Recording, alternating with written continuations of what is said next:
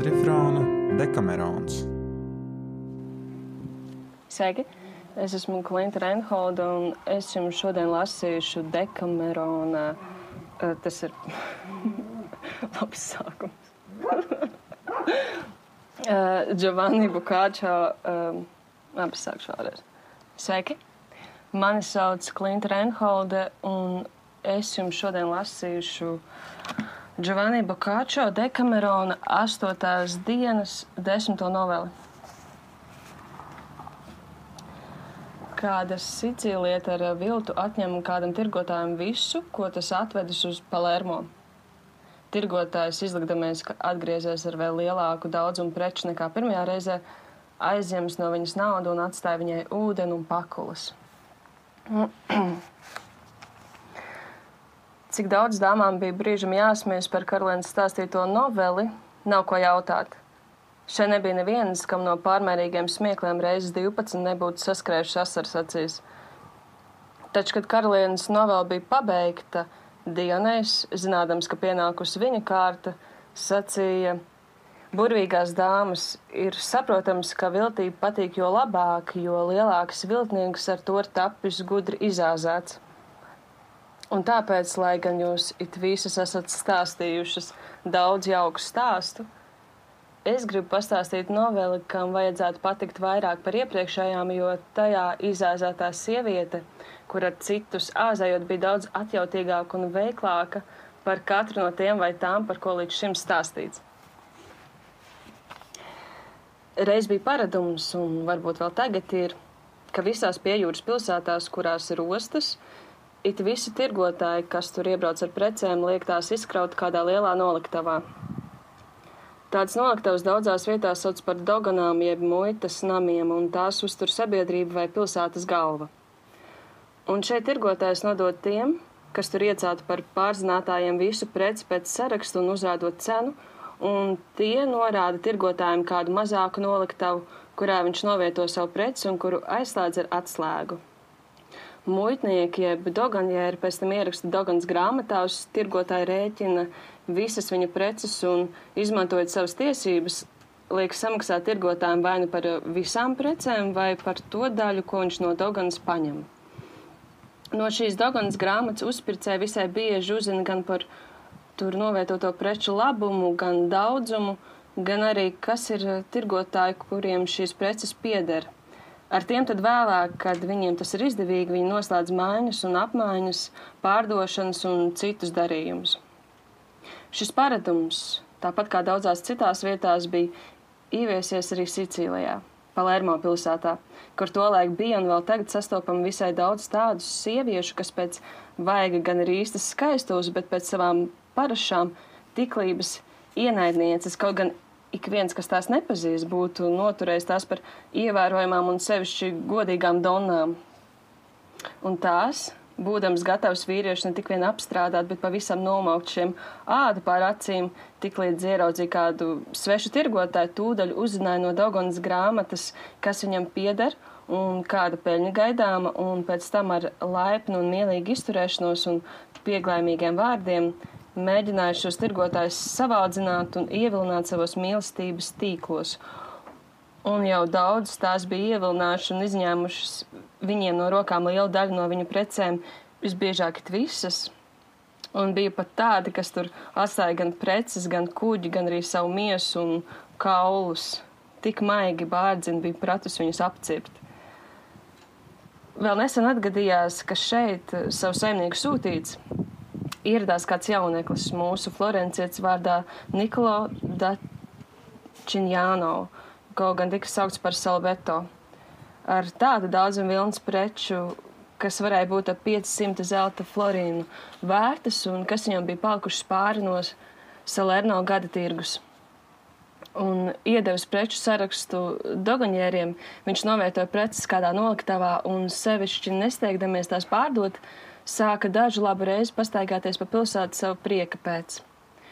Un tā kā viņš bija ar bālu seju, gaišmetains, visai iznesīgs un glīta izskata, tad atgadījās, ka viena no šīm bārdzinēm, kas sev sauk, lika saukt par Donu Janka Fjori, izdzirdusi kaut ko par viņa darījumiem, sāka mest uz viņu savus skatienus. To pamanījusi un noturēdam šo par ievērojumu donu, Salbeto nodomāja, ka to ir savaldzinājis viņa skaistums, un viņš nolēma ļoti piesardzīgi uzsākt ar to mīlas dēku. Un, nesakot nevienam ne vārda, jauneklis sāka pastaigāties gar Donas māju. Donna to redzēdam vairākas dienas uzlūkoja viņu ar kvēliem skatieniem, un tad, izlikdamās gaužām noilgosies pēc viņa, paslaps aizsūtīja pie jaunekļa kādu savu kalponi, kas visai labi prata savešanas mākslu. Tā gandrīz ar asarām acīs pēc daudzām valodām sacīja viņam, ka šis ar savu skaistumu un pievilcību tik ļoti esot savaldzinājis tās kundzi, ka kundze nerodot sev miera nec dienu, nec nakti, un tāpēc, ja viņam lapatīkot, tā vairāk par visu vēlētos slepeni sastapties ar viņu kādā pirtī. To pateikusi, savedēja izvilkt no maciņu kādu gredzenu un uzdāvināja viņam to no savas kundzes. Salberto to dzirdēdams, kļuva par vislaimīgāko cilvēku, kāds jebkad dzīvojis, un paņēmis gredzenu, noklāstīja to ar skatienu, pēc tam noskopstījis uzvilkt to pirkstā un atbildēja lāgas sieviņai, ka Donai Janka Fjorei tikšot godam atlīdzināts par tās mīlestību, jo viņš to mīlot vairāk par savu dzīvību un esot ar mieru iet uz kurienu un kādā stundā vien tā vēlētos. Tā nu sūtne atgriezās pie savas kundzes ar šo atbildi, un Salbeto tūdaļ saņēma vē, vēsti, kurā pirtī nākošajā dienā pēc vesparu stundas viņam tā jāgaida. Nevienam cilvēkam pasaulē neko neteicis, viņš ieradās tur norādītajā stundā un redzēja, ka pirts ir aizņemta Donai. Pēc maza brīža atnāca divas verdzenes ar nastām. Viena nes uz galvas lielu un skaistu gultas maisu no kokvilnas, otra milzīgu grozu pilnu ar dažna, dažādām mantām. Nolikusi gultas maisu kādā no pirts istabām uz gultas, viņa apklāja to ar pāri vissmalkāko svītrainu zīda palagu, pēc tam ar visbaltākā kipras auduma sagu un nolikusi tās divas brīnišķīgi izstrādātas spilvenes. Un pēc tam verdzens izģērbās un iekāpušas basēnā pamatīgi to izmazgāja un izberza. Nepagāja ilgs laiks, kad Dona ar divām citām verdzenēm ieradās pirtī. Tur Dona, tikko viņai radās iespēja, bezgalīgi priecīgi sasveicinājās ar Salbeto un pēc visdziļākajām nopūtām pasaulē, un pēc tam, kad bija to vairāk kāds skābus un skūpstījus, viņa sacīja, es nezinu, kas gan vēl cits bez tevis man varētu tik tālu novest. Tu aizdedzināji man dvēseli vienās liesmās, tu toskāniešu suns. Pēc šiem vārdiem tie abi, kā vēlējās Donna, kaili iekāpa basēnā un kopā ar tiem divas verdzenes. Šeit, neļaujot nevienam citam viņam pielikt roku, Dona pati ar muskus un neļķu ziepēm apbrīnojami rūpīgi nomazgāja salbeto un pēc tam lika sevi nomazgāt un nobērst divām verdzenēm. Kad tas bija izdarīts, Verdzenis atnesa divus baltus, jo baltus un smalkus palagus, no kuriem nāca tik spēcīga rožu smarža, ka viss, kas tur atradās, likās esam rozes. Viena verdzena ietena salbeto vienā palagā, kāda cita donu otrā. Tad, uzcēluši viņus plecos, tās aiznes viņus abus uz jau sagatavoto gultu. Un, kad sviedri bija noplūduši, verdzenis viņiem noņēma vienus palagus, un viņi palika kaili guļam uz citiem un izņēmušas no groziem brīnum skaistas sudraba pudelītes, pilnas gan ar rožu, gan apelsīnu ziedu, gan jasmīnu, gan citiem smaržīgiem ūdeņiem, tās apslacīja viņus. Tad, izņēmušas saldumu kārbiņus un visdārgākos vīnus, tās mazliet viņus atspirdzināja. Salbeto likās, ka viņš atrodas paradīzē, un kad viņš bija reizes tūkstoši aplūkojis dāmu, kura patiesi bija ļoti daļa. Katra stunda viņam šķita tik gara kā simts gadi, gaidot, kamēr verdzens aizies un viņš varēs to apskaut. Kad verdzens pēc dāmas pavēles izgāja no istabas, atstājuši tur degošu lāpu, dāma apskauja Salbeto un viņš to, un par lielu, lielo iepriecinājumu Salbeto, kam likās, ka dāma vai kūstais mīlestības pret viņu, tie palika kopā labu brīdi. Taču, kad dāmai šķita laiks celties, viņi pasaukuši verdzenes, apģērbās, vēlreiz stiprinājās ar dzērieniem un saldumiem un nomazgājās smaržūdeņos seju un rokas, un, kad pienāca laiks šķirties, dāma sacīja Salbeto, ja tev būtu paprātam, man būtu sevišķi patīkami, ja tu šovakar atnāktu pie manis uz vakariņām un pārnakšņotu. Salbeto ko dāmas skaistums un viltīgā laipnība bija gluži apbūrusi, un kas bija cieši pārliecināts, ka viņa to mīl tik ļoti kā pati savu sirdi, sacīja: Mana kundze, katra jūsu vēlēšanās man ir visaugstākajā mērā patīkama, tāpēc gan šovakar, gan vienmēr esmu gatavs darīt visu, kas vien jums patiks un ko jūs pavēlēsiet. Un tā, atgriežusies mājās un likusi jauki izgaznot istabu ar savām drānām un citiem piedurumiem, kā arī pagatavot lieliskas vakariņas, Donna gaidīja Salbeto. Kad mazliet satumsa, viņš devās uz Donnas māju, tika priecīgi saņemts un rūpīgi apkalpots jautri pavakariņojumu. Pēc tam, iegājis tās istabā, viņš sajūta brīnišķīgu alvejas koku smaržu, ieraudzījis sevišķi greznu gultu ar kipras putniņiem un daudz skaistu tērpu pār līkstīm.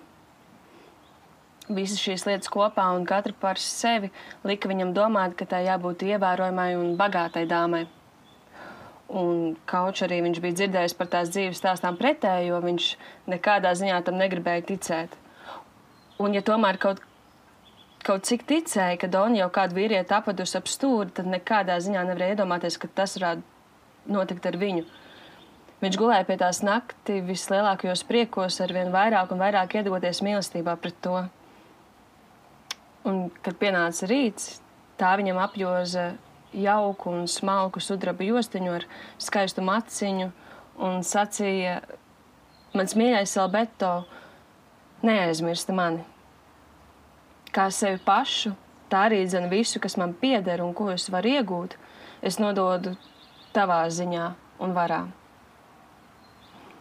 Salbeto priecīgs viņu apskāva un skūpstīja un izgājis no viņas mājas, devās uz turieni, kur mēdza sapulcēties tirgotāji. Un kamēr viņš tā dažu labu reizi sastapās ar Donu, neko neizdodams un ar katru brīdi arvien vairāk sapīdamies mīlestības tīklos, atgadījās, ka viņš savu vadmalu pārdeva par skaidru naudu un labi nopelnīja. To Dona tūdaļ uzzināja, gan ne no viņa, bet no citiem. Un, kad Salbeto kādu vakaru bija atnācis pie tās, Dona sāka ar viņu pļāpāt un draiskuļoties un skūpstīt un apskaut viņu, izlikdamās tik stipri iemīlējusies viņā, ka liekas varēja no mīlestības nomirt viņa rokās. Un tā gribēja viņam uzdāvināt divus brīnišķīgus sudraba kausus, kas tai piederēja, taču Salbeto negribēja kausus ņemt, jo viņš jau vienu un otru reizi bija pieņēmis lietas, kur vērtība pārsniedz 30 zelta florīnus. Nevarēdams panākt, lai tā no viņa kaut ko pieņemtu, kaut arī graša vērtībā. Beidzot, kad ar liekuļoto mīlestību un devību tā viņu krietni vien bija apmūsinājusi, kāda no vedzinēm to pasauca, kā iepriekš bija norunāts. Tāpēc Dona izgāja no istabas un mazliet uzkavējusies tā atkal atgriezās raudādama. Iekrita uz mutes gultā un sāka tik gauži vaimanāt, kā jebkad kāda sieviete vaimanājusi. Izbrīnījies Alberto to apskāva, sāka raudāt kopā ar to un teica, ak, mana sirds, kas jums tik pēkšņi notika? Kāds ir šo sāpju iemesls? Sakiet man taču, mana dvēsele. Pēc tam, kad Dona labu brīdi bija likusi viņam sev, sevi lūgties, tā sacīja – Ak, vai mans dārgais senjor, es, es nezinu, nec ko man darīt, nec ko teikt. Es tikko saņēmu vēstuli no Mesīnas, un man raksta mans brālis, lai es kaut man nāktos pārdot un ieķīlāt visu, kas man pieder nedēļas laikā, aizsūt viņam tūkstošu zelta florīnu, citādi viņam nocirtīšot galvu. Un es nezinu, ko man tagad darīt, lai varētu tik ātri viņam tos sadabūt. Ja man vismaz būtu divas nedēļas laika, es zinātu, kādā veidā naudu sadabūt, kādā vietā, kur man jādabū vēl vairāk, vai arī pārdot kādu no mūsu īpašumiem. Taču tā kā tas nav iespējams, es labāk vēlētos būt mirusi, pirms pienāca šī ļaunā vēsts. Un to teikusi, izlikdamās bezgalīgi noskumusi, viņa nepārstāja raudāt. Salbeto, kam mīlestības liesmas bija laupījušas daļu no vajadzīgā saprāta, noticēdams, ka tās ir vispatiesākās asaras un vēl patiesāki vārdi, sacīja, Mana mīļā, es nevarēšu jums pakalpot ar tūkstošu florīniem, bet ar 500 gan, ja jūs domājat, ka varēsiet man to sadot pēc divām nedēļām. Tā ir jūsu laime, ka tieši vakar es pārdevu savu vadmalu, jo, ja es nebūtu to pārdevis, es nevarētu jums aizdot ne graša. Vai man, Daunies izsaucās, tad tādā naudas trūkumā tu biji Ai, kāpēc gan tu man to nepaprasīji? Lai gan man nebija tūkstoši, es varēju tev iedot krietnu simtu vai arī pāris.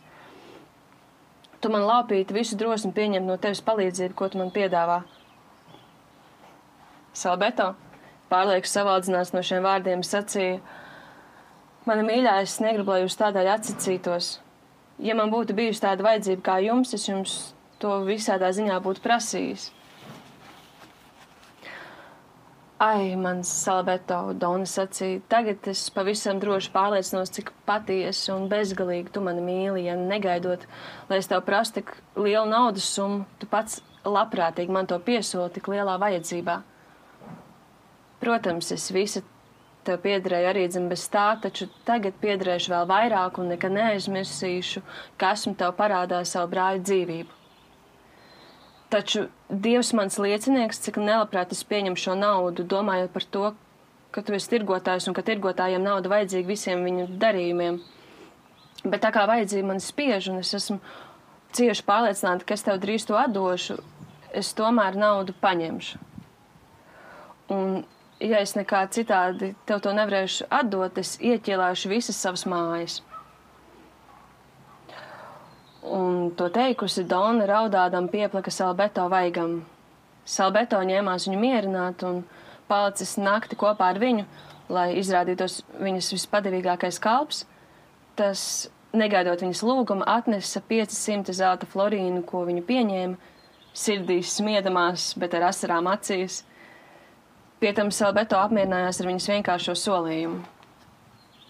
Tiklīdz Dona saņēma naudu, viņa sāka izturēties pavisam citādi. Un, ja agrāk Salbeto Aleža varēja apciemot Donu, kad vien to vēlējās, tad tagad sākās dažne, dažādās aizbildināšanās, un labi, ja no septiņām reizēm vienu tam izdevās iekļūt pie viņas, taču tas vairs netika saņemts nedz ar glāstiem, nedz ar tādu prieku kā agrāk. Noteiktais laiks, kurā vajadzēja dot parādu, bija ne tik vien pienācis, bet pagājis vēl mēnesis un divi, Taču, kad Salbeto atprasīja savu naudu, tam tika maksāts tikai ar solījumiem. Un beidzot, tirgotājs atskārta nekrietnās sievietes viltību un savu neapdomību un saprata, ka ne, nedabūs no viņas neko vairāk kā vien to, ko viņai pašai lapa tiks atdot, tāpēc, ka tam nebija ne niecīgākās parādzījums, ne liecinieki. Taču kaunādamies žēloties kādam gan tāpēc, ka iepriekš bija ticis brīdināts, gan tāpēc, ka sagaidīja pelnīto izsmieku par savu vientiesību, Salbeto bez mēra noskumis klusībā apraudāja savu muļķību. Un tā kā viņš bija saņēmis no saviem patroniem vairākas vēstules, kurās tie rakstīja, lai viņš izmainot naudu un nosūtītu tiem, uh, Salbeto, baidīdamies, ka neizpildot šo rīkojumu varētu atklāties viņa pārkāpums, nolēma aizbraukt no šejienes un uzkāps uz kāda neliela kuģīša. Viņš nenonāca vispizā, uz kurien viņam vajadzēja doties, bet Neapolē. Tos laikus Neapolē dzīvoja kāds mūsu tautietis.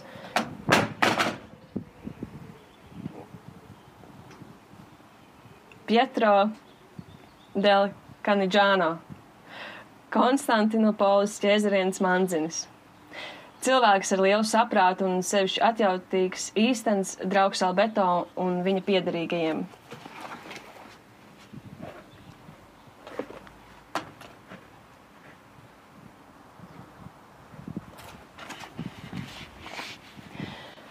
Šim ļoti, uz, šim ļoti uzticamajam cilvēkam Salbeto pēc dažām dienām žēlojās un izstāstīja, ko bija izdarījis un kāda nelaime viņu piemeklējusi, un lūdza tā palīdzību un padomu, kā viņam iekārtoties šeit uz dzīvi, apgalvodams, ka nekad vairs nedomājot, nedomājot atgriezties Florencē.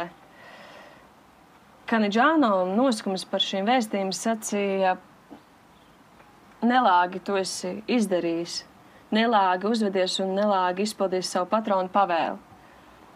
Pārāk daudz naudas vienā reizē tu izšķiedis vaļīgā dzīvē, bet ko tagad? Kas darīts, padarīts, jārod kāds padoms. Un kā jau saprātīgs cilvēks, Kanidžāno aši izdomāja, kas darāms un pateica to Salbeto. Salbeto patika tā padoms, un viņš nolēma uz labu laimi pamēģināt to izpildīt. Un tā kā viņam vēl bija mazliet naudas, un Kanidžāno arī nedaudz aizdeva, viņš sagatavoja daudzus lielus saiņus, pamatīgi sasietus un apsietus, nopirka 20 eļas mucas, piepildīja tās, un, kad viss bija iekrauts kuģī, atgriezās Palermo. Iedevis dogaņēriem saiņu sarakstu un uzrādījis arī mucu vērtību, viņš lika visu pierakstīt uz savu rēķinu un novietoja preci eh, noliktavās, sacīdams, ka līdz tam laikam, kamēr pienākšot citas preces, ko viņš gaidot, viņš negribot šīs aizskart. Kad uh, Janka Fjori to uzzināja un padzirdēja, ka pašreiz atvestās preces esot vērts vismaz 2000 zelta florīnu vai pat vairāk. Neskaitot tās preces, ko viņš vēl gaidot, un kas vērtību pārsniedzot 3000 florīnu. Tā likās, ka vēl par maz no viņa izvilkts, un tā nolēma atdot šos 500, lai rastu iespēju iegūt lielāko tiesu no 5000 un aizsūtīja pēc viņa.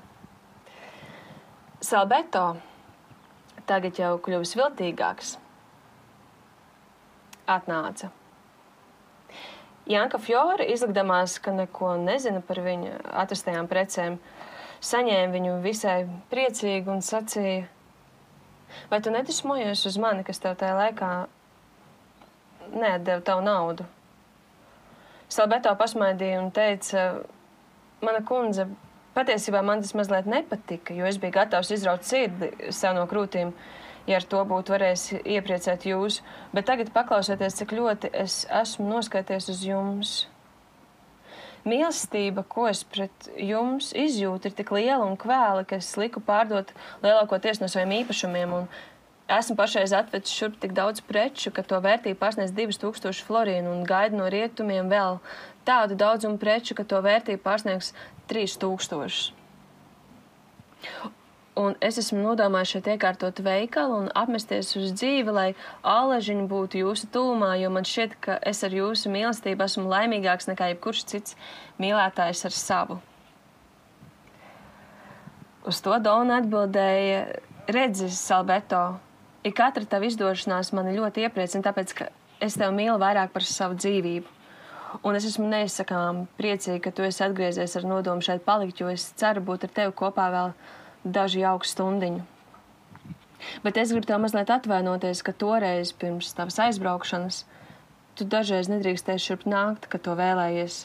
Un dažreiz, kad bija atnācis, netika tik priecīgi saņemts kā agrāk. Un arī dzem par to, kas tev laikā neatdeva tavu naudu. Tev jāzina, ka man toreiz bija uzbrukušas vislielākās sāpes un visdziļākās bēdas, un kas atrodas tādā stāvoklī, tas, lai arī dzen, cik stipri otru mīlētu, nevar viņu tik laipni saņemt, nedz arī vienmēr pievērst viņam tādu uzmanību, kā otrs to vēlētos. Un Beidzot, tev jāzina, ka vienai sievietei ļoti grūti nāks sagādāt tūkstošu florīnu. Dien dienā mums melo un neizpilda to, kas ir apsolīts, un tālāk piederas, ka arī dzen mēs melojam citiem. Tikai šī un ne aiz cita iemesla es tev nedevu tavu naudu. Tomēr es to saņēmu drīz pēc tavas aizbraukšanas, un, ja es būtu zinājusi, uz kurien sūtīt, esi droši, es tev to būtu aizsūtījusi. Bet tā kā es nezināju, ka esmu tev to, bet tā kā es nezināju, es esmu tev to saglabājusi. Un likusi atnest maku, kurā atrodas tieši tie paši florīni, ko viņš tai bija atnesis, tā iespēja viņam šos florīnus saujā un sacīja, saskaiti, vai tur ir 500. Salbeto nekad vēl nebija bijis tik priecīgs un saskaitījis naudu un redzēdams, ka tur ir 500, viņš noglabāja tos un sacīja, mani mīļā, es ticu, ka jūs runājat taisnību, taču jūs manā labā esat darījusi daudz, un man, man jums jāsaka, ka gan aiz šā iemesla, gan aiz mīlestības, ko es pret jums izjūtu, es alēšu pulēšos jums pakalpot ar katru summu, kas jums būs nepieciešama un ko es varētu sadabūt. Un, kad es šeit būšu iekārtojies, jūs varēsiet par to pārliecināties. Un tā, atjaunojas vārdos savas mīlestības saites ar to, Salbeto sāka ar to mīļi satikties, un tā atkal izrādīja viņam vislielāko laipnību un vislielāko uh, godu pasaulē, un arī dzen savu bezgalīgi lielo mīlestību. Bet Salbeto, gribēdams tai par krāpšanu atriepties ar krāpšanu, kādu dienu, kad tā viņa bija likusi attiecināt uz vakariņām un naktsguļu, ieradās tik grūtsirdīgs un noskums, ka likās viņš nulle nulle nomirs.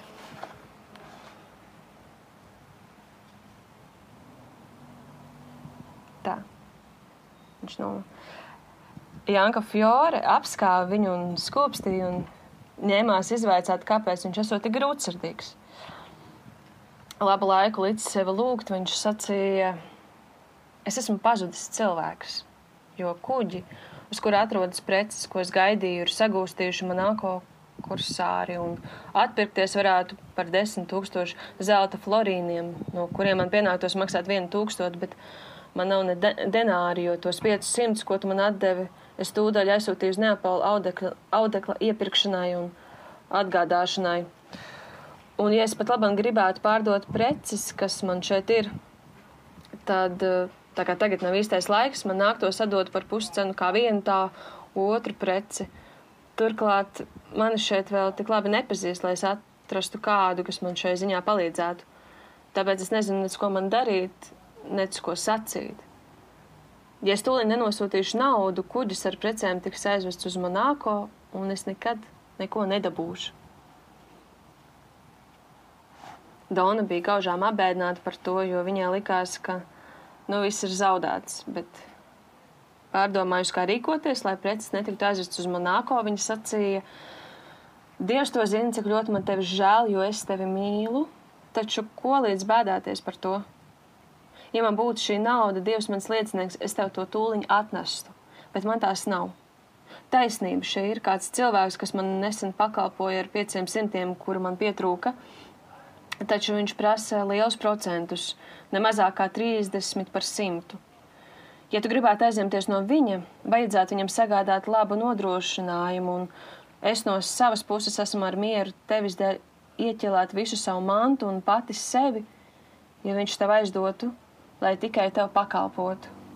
Bet, bet kā tu domā nodrošināt viņam pārējo? Salbeto noprata iemeslu, kas Donu pamudina uz šo pakalpojumu un atskaita, ka tā pieso pati savu naudu. Tas viņam ļoti patika, vispirms pateicies tai, viņš sacīja, ka milzīgā procenti viņu neatbaidot, jo naudu viņam esot gaužām, jo naudu viņam esot gaužām nepieciešama. Pēc tam viņš teica, ka nodrošināšot aizdevēju ar precēm, kas atrodoties Dogānā, norakstot preces uz tā vārda, kurš naudu aizdošot, bet noliktavas atslēgu viņš pats gribot glabāt, lai varētu parādīt savu preci, ja viņam to kāds prasītu, un lai nekas netiktu aizskarts, sajaukts vai pārmainīts. Donas sacīja, ka tā būšot labi, un drošība arī dzenesot visai laba. Un tāpēc tikko pienāca rīts, viņa aizsūtīja pēc kāda starpnieka, kuram viņa ļoti uzticējās un pārunājās ar to par šo darījumu iedeva tam tūkstošu zelta florīnu, kurus vidutājs tūdaļ aiznesa Salbeto un lika pārrakstīt uz savu vārdu visu preci, kas Salbeto atradās Dogonā, un nokārtojas visus ierakstus un parakstus, un vienojušies par visu, tie aizgāja katrs savās darīšanās. Salbeto ar 1500 zelta florīniem kabatā cik ātri varēdams uzkāpa uz kāda kuģa un atgriezās Nepālē pie Pietro del Canidžāno un no šejienes aizsūtīja kārtīgi un pilnīgi norēķinu saviem patroniem, kas viņu bija sūtījuši pārdot vadmalu. Un atdevis naudu Pietro un it visiem, kam vien, kam vien bija parādā, viņš vairākas dienas ar Canidžāno līksmojos un uz apkrāptās Sicīlietas rēķina. Pēc tam, negribēdams turpmāk palikt tirgotājs, viņš aizbrauc uz Ferāru. Janka Fjori, neatrastams Alberto Palermo pilsētā, sāka brīnīties, un viņai jau radās aizdomas. Un pēc tam, kad viņi to bija mēnešus, divus gaidījusi un redzējusi, ka tas nerādās, viņa lika starpniekiem uzlauzt noliktavas. Un vispirms apskatījusi mucas, ko domāju, esam pilnas ar eļu. Redzēja, ka tās ir pilnas ar jūras ūdeni, un katrā varbūt bija tikai daži desmit litru eļas virspusē pie spundas. Tad, atraisot saiņus, atrada, ka tie visi ir piebāzti ar pakulām, izņemot divus, kuros bija vadmala. Ar vienu vārdu sakot, visa prece, kas tur atradās, nebija vairāk kā 200 florīnu vērta. Redzēdama, ka ir apmānīta, Janka Fjori ilgi apraudāja atdotos 500 un vēl ilgāk aizdoto tūkstoti, bieži sacīdama, kam darīšanas ar toskānieti, lai acis nekad netur cieti. Un tā pamesta zaudējumos un apsmieklā, viņa saprata, ka ne jau viņa vien tā gudrā pasaulē. Tiklīdz Dionēs bija pabeidzis savu noveli, Laureta redzēja, ka pienācis laiks, kad viņas varēja jābeidzas. Uzslavējusi Pietro del Canidžāno padomu, kas izrādījās visai noderīgs, un Sabeto gudrību, kura arī dzen nebija mazāka. Liekot šo padomu lietā, viņa noņēma Lauru vainagu un uzlikusi to Emīlijai galvā laipnīgi sacīja: Mana dārgā, es nezinu, cik vēlīga karaliene jūs mums būsit, bet daļa gan. Tad nu papūlieties, lai jūsu darbi būtu tikpat skaisti kā jūs pati. Un to teikusi, viņa apsēdās. Emīlija mazliet pietuvīja, ka es kaunu ne tik daudz tāpēc, ka bija kronāta par karalieni, bet gan tāpēc, ka dzirdēja sevi visu klātbūtnē uzslavējumu par to, par ko sievietēm it sevišķi patīk tapt slavētām, un viņas svaigi kļuva līdzīgi pusplaukušām rozēm rītausmā. Tomēr, kad viņa kādu brīdi bija turējusi acis nolaistas uz zemi un nosākums bija pazudis, viņa aprunājusies ar senešalu par dažādiem pasākumiem, kas skārit visus klātesošos, iesāk runāt tā.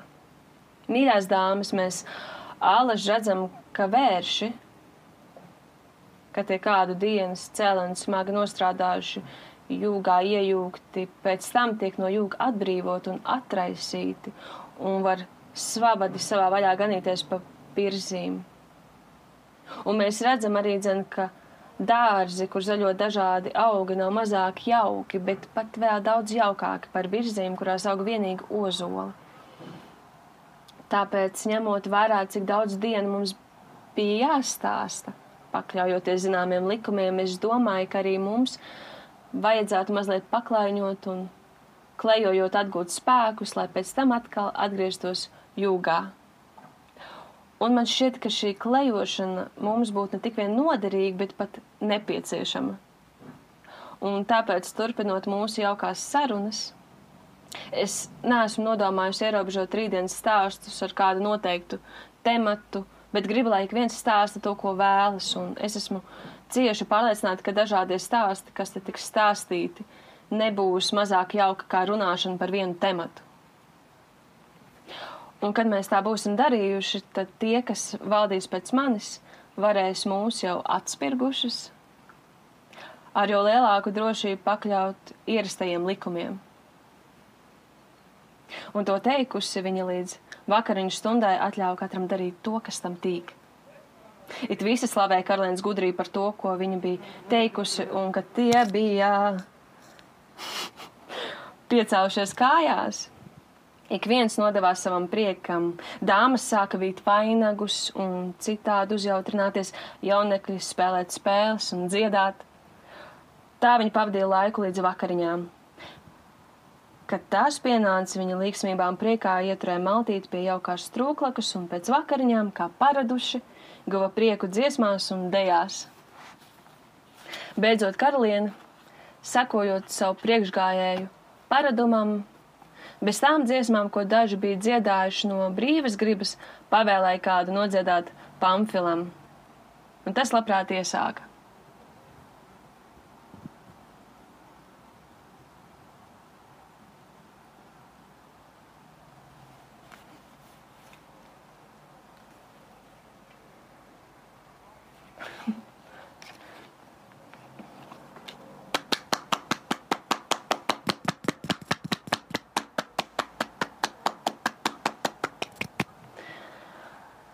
Pamfila dziesma bija pabeigta, un lai gan visi tai godam piebalsoja, šeit nebija neviena, kas ar lielāku cītību nekā pieklājas nebūtu iegāmies dziesmas vārdus, polēdamies uzminēt, par ko Pamfils dzieditin, kā, kad viņam pienāktos ko slēpt. Un, lai gan tie izdomājās gan šā, gan tā, neviens neuzrunāja, kā tas patiesi bija. Un karaliene redzēdam, ka Pamfila dziesma pabeigta, un jaunās dāmas un kunga labprāt ietu atpūsties, pavēlējīt visiem doties pie miera.